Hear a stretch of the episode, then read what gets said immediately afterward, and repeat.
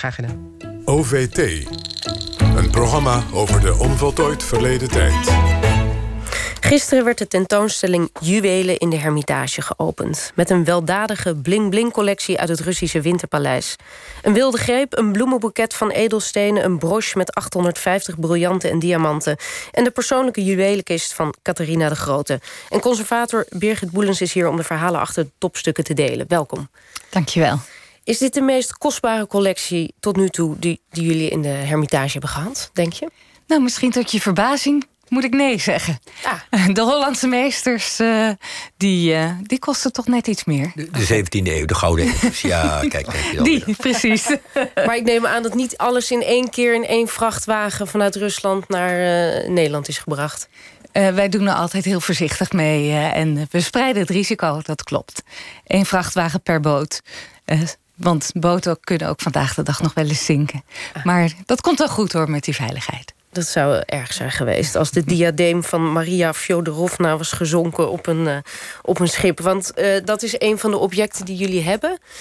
De ja, diadeem? Ja, het is een, uh, een prachtig juweel. Maria Fjodorovna was de moeder van Nicolaas, de laatste tsaar.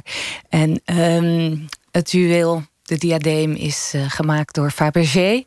En, van de eieren? Van de eieren, ja. En ook nog heel veel andere juwelen en gebruiksvoorwerpen heeft het huis uh, ontworpen.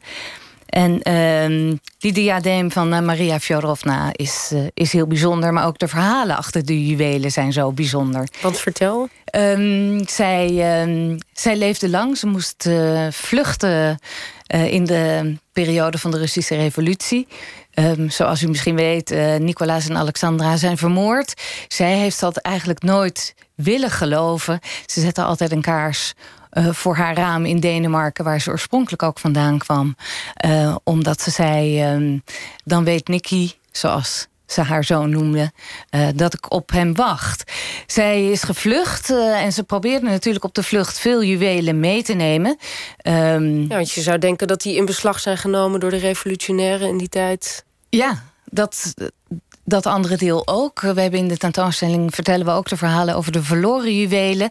Want met dat de hoofdstad natuurlijk verplaatst is naar Moskou, uh, heeft de collectie van de Hermitage die kroonjuwelen die er nog over waren uh, niet meer. Um, en in Moskou is er ook niet meer zoveel, omdat uh, in de Stalinistische periode ook heel veel verkocht is. En um, in, uh, verkocht is via Europese veilinghuizen. En het was natuurlijk maar, de bruidschat. Hè? Je kon het meenemen uh, op de vlucht. Maar uh, ja, er is veel verloren gegaan, omgebouwd. Ehm, ja. Nou ja, nee, ik, ik, ik, ik heb er eigenlijk niet zoveel meer over te vragen. Maar ik dacht alleen, dus, dus de, de communisten hebben het gewoon lekker verkocht. En in beslag genomen, een groot deel. Ja, in de tentoonstelling zie je een foto met een, een tafel vol met juwelen en ook prachtige diademen. Zoals die uh, die Maria Fjodorovna op de affiche die in de stad uh, te zien is, uh, draagt. Dus ja, ze hebben, ze hebben heel veel verkocht. En je kunt juwelen natuurlijk ook uit elkaar halen. En als ja, losse parels en diamanten verkopen. En dat is veel gebeurd. Maar er is ook veel bewaard wat wij laten zien in de tentoonstelling. Ja, dat, dat vroeg ik me dus inderdaad af. Uh, het, is, het is bekend, uh, de, de Zeeuwse vissersvrouwen... die hadden allemaal prachtige uh, gouden oorijzers, et cetera... die tegelijkertijd hun bankrekening waren.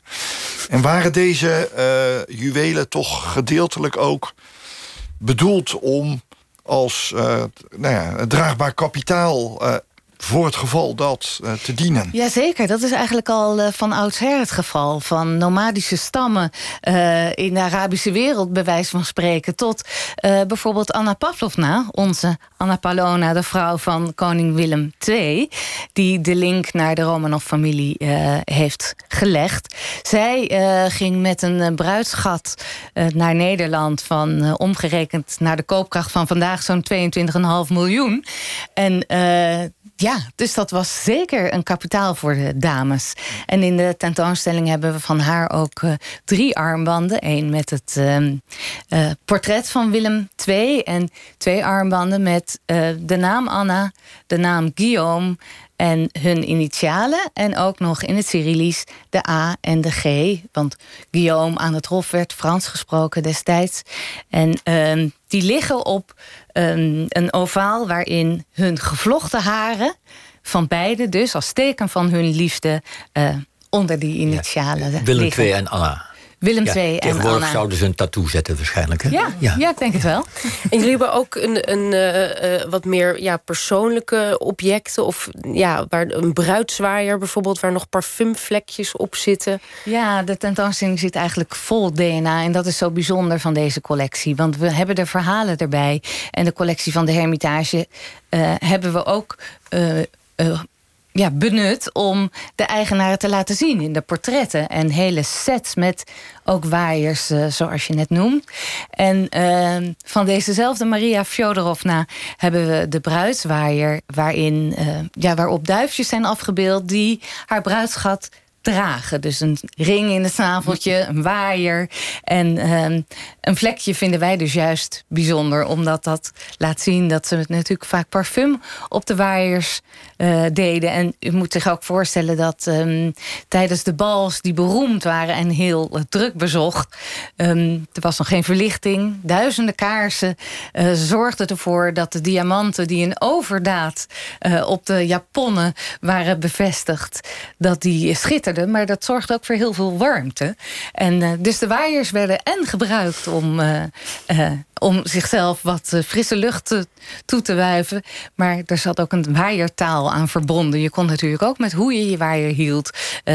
Boodschappen uitzenden. En het ging ook over de moesjes, toch? Die ze op hun gezicht deden, waar die geplaatst werden. Zoals uh, Marilyn Monroe ook had dat, dat gaf dan ook een boodschap af, ja, toch? Precies. Ja, tot onze verrassing kwamen we uh, heel mooie moesjes, uh, sproetjes, doosjes tegen in de collectie. Dus die hebben we ook in de boudoirs opgenomen. En daarbij voor het publiek ook uh, uitgelegd wat de betekenis was. En vanzelfsprekend hoe dichter aangebracht bij de mond, hoe sensueler de boodschap was die je uitzond. Maar je krijgt ook wel het idee dat die vrouwen het vreselijk zwaar moeten hebben gehad. Nou ja, echt medelijden kan je natuurlijk niet met ze hebben. Maar die, die, die, uh, uh, ja, die sieraden waren letterlijk gewoon heel zwaar. Ja, ze ging haast gebukt onder de diamanten. En dat zie je ook in de tentoonstelling. Um, misschien was de Russische mode niet eens zo uh, up-to-date. Maar hoe ze behangen waren met diamanten, daar sprak echt heel Europa over. Ook de mensen die in Versailles wel wat gewend waren. Dus voor de Russische bals moest je zelf ook flink in de juwelenkist duiken. En um, de corsetten van de Japonnen die werden fix aangetrokken. Je ziet ook echt hele smalle lijfjes uh, bij de Japonnen in de tentoonstelling. En dat zorgt natuurlijk voor een hoge ademhaling. Ook de boezem werd wat opgestuurd, maar des te meer blonken de diamanten die daar bovenop lagen. Ja, bijna ordinair. De, ja, de, de, de jongens. Ja, de, ja. Zullen we het even over de jongens hebben, de mannen? De mannen. Hadden die ook nog wat om te dragen? Een leuk knoopje van diamant of zo? Of een, of een, of een kistje? Of weet ik veel? Of een broche? Ja, zelfs hele livreien met uh, gouddraad. En er is nog een mooie anekdote van vorst Alexander Kourakin. Die was tijdens een brand in Parijs bijna gestorven... door al het overvloedige goudstiksel op zijn uniform. Het vele gouddraad was zo gloeiend heet geworden... dat de, zijn redders hem niet konden vastpakken. Maar we hebben ook een, een, een, een op de verdieping uh, uh, allerlei thema's. En de dandy is ook een type wat ons erg aansprak. We hebben een heerlijk schilderij van een heer die heel goed weet dat in zijn binnenzak een prachtig zakhorloge zit. Maar je ziet eigenlijk alleen het kettingje. Maar die wetenschap van zijn heimelijke genoegens maakt natuurlijk dat hij zich heel zelfverzekerd en gedistingeerd presenteerde. Beetje Oscar Wilde-achtig. Mijn smaak is heel eenvoudig. Het dus allerbeste Jos, uh, is mooi ik, genoeg. De mannen komen ook aan bod. De mannen komen no aan bod, zeker. uh, ja, jullie hebben ook nog een bloemenboeket van edelstenen... van uh, Elisabeth, de voorganger van uh, Catharina de Grote. We hebben geen tijd meer om daar helemaal op in te gaan... maar het is een geweldige tentoonstelling. En hartelijk dank Birgit Boelens. Juwelen is nog te zien tot 15 maart, geloof ik, 2020. Ja, dus u heeft nog alle tijd. En is te zien in de Hermitage. Dit was het eerste uur van Over Straks hebben we een nieuwtje over Aletta Jacobs. Het tweede deel van de documentaire over 100 jaar radio. En een gesprek over de zogenaamde afstandsmoeders. Moeders die hun kinderen gedwongen afstonden tot diep in de jaren 60. Tot zo na het nieuws van 11 uur.